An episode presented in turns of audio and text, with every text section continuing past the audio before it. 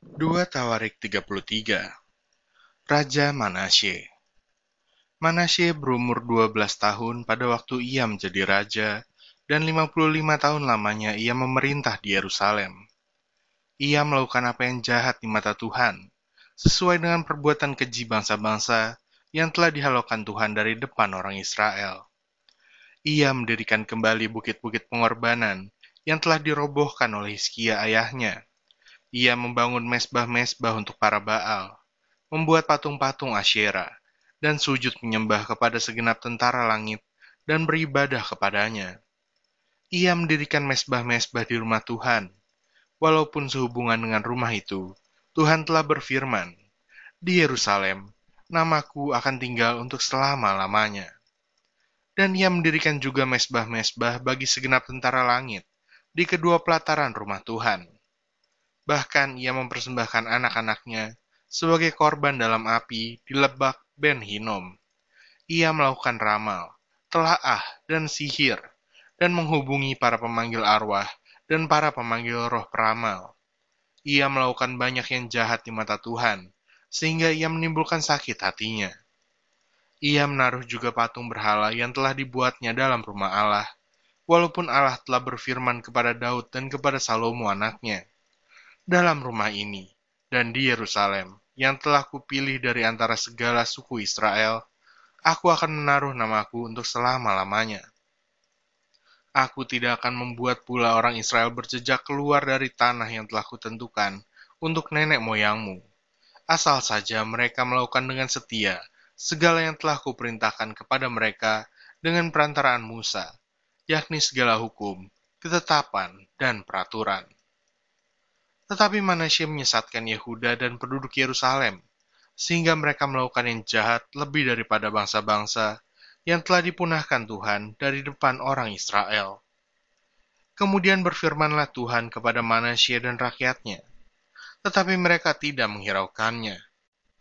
Oleh sebab itu, Tuhan mendatangkan kepada mereka panglima-panglima tentara Raja Asyur yang menangkap Manasye dengan kaitan, membelenggunya dengan rantai tembaga, dan membawanya ke Babel. Dalam keadaan yang terdesak ini, ia berusaha melunakkan hati Tuhan Allahnya. Ia sangat merendahkan diri di hadapan Allah nenek moyangnya dan berdoa kepadanya. Maka Tuhan mengabulkan doanya dan mendengarkan permohonannya. Ia membawanya kembali ke Yerusalem dan memulihkan kedudukannya sebagai raja, dan Manasye mengakui bahwa Tuhan itu Allah. Kemudian ia mendirikan tembok luar pada kota Daud, di sebelah barat Gihon, di lembah, sampai dekat pintu gerbang ikan, mengelilingi Ovel. Tembok itu dibuatnya sangat tinggi. Ia menempatkan juga panglima-panglima perang di tiap kota kubu di Yehuda. Ia menjauhkan allah-allah asing dan berhala dari rumah Tuhan, juga segala mesbah yang didirikannya di atas gunung rumah Tuhan dan di Yerusalem, dan membuangnya keluar kota ia menegakkan kembali mesbah Tuhan, mempersembahkan korban keselamatan dan korban syukur di atasnya, menyerukan kepada Yehuda untuk beribadah kepada Tuhan, Allah Israel. Walaupun demikian, rakyat masih mempersembahkan korban di bukit-bukit pengorbanan, tetapi hanya kepada Tuhan, Allah mereka. Selebihnya, dari riwayat Manasye, doanya kepada Allahnya, dan ucapan-ucapan para pelihat yang berkata-kata kepadanya dengan nama Tuhan, Allah Israel. Sesungguhnya semuanya itu terdapat dalam riwayat raja-raja Israel.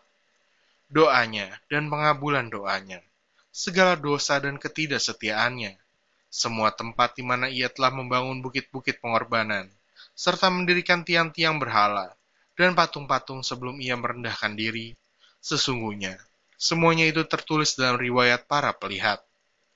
Kemudian Manasye mendapat perhentian bersama-sama dengan nenek moyangnya, dan ia dikuburkan di dalam istananya. Maka Amon, anaknya, menjadi raja menggantikan dia. Raja Amon Amon berumur 22 tahun pada waktu ia menjadi raja, dan dua tahun lamanya ia memerintah di Yerusalem. Ia melakukan apa yang jahat di mata Tuhan, seperti yang telah dilakukan Manasye ayahnya. Amon mempersembahkan korban kepada segala patung yang dibuat Manasye ayahnya, dan beribadah kepada patung-patung itu. Tetapi ia tidak merendahkan diri di hadapan Tuhan seperti Manasye ayahnya, merendahkan diri, malah Amon makin banyak kesalahannya. Maka pegawai-pegawainya mengadakan persepakatan melawan dia dan membunuhnya di istananya. Tetapi rakyat negeri itu membunuh semua orang yang mengadakan persepakatan melawan Raja Amon. Dan rakyat negeri itu mengangkat Yosia, anaknya, menjadi raja menggantikan dia.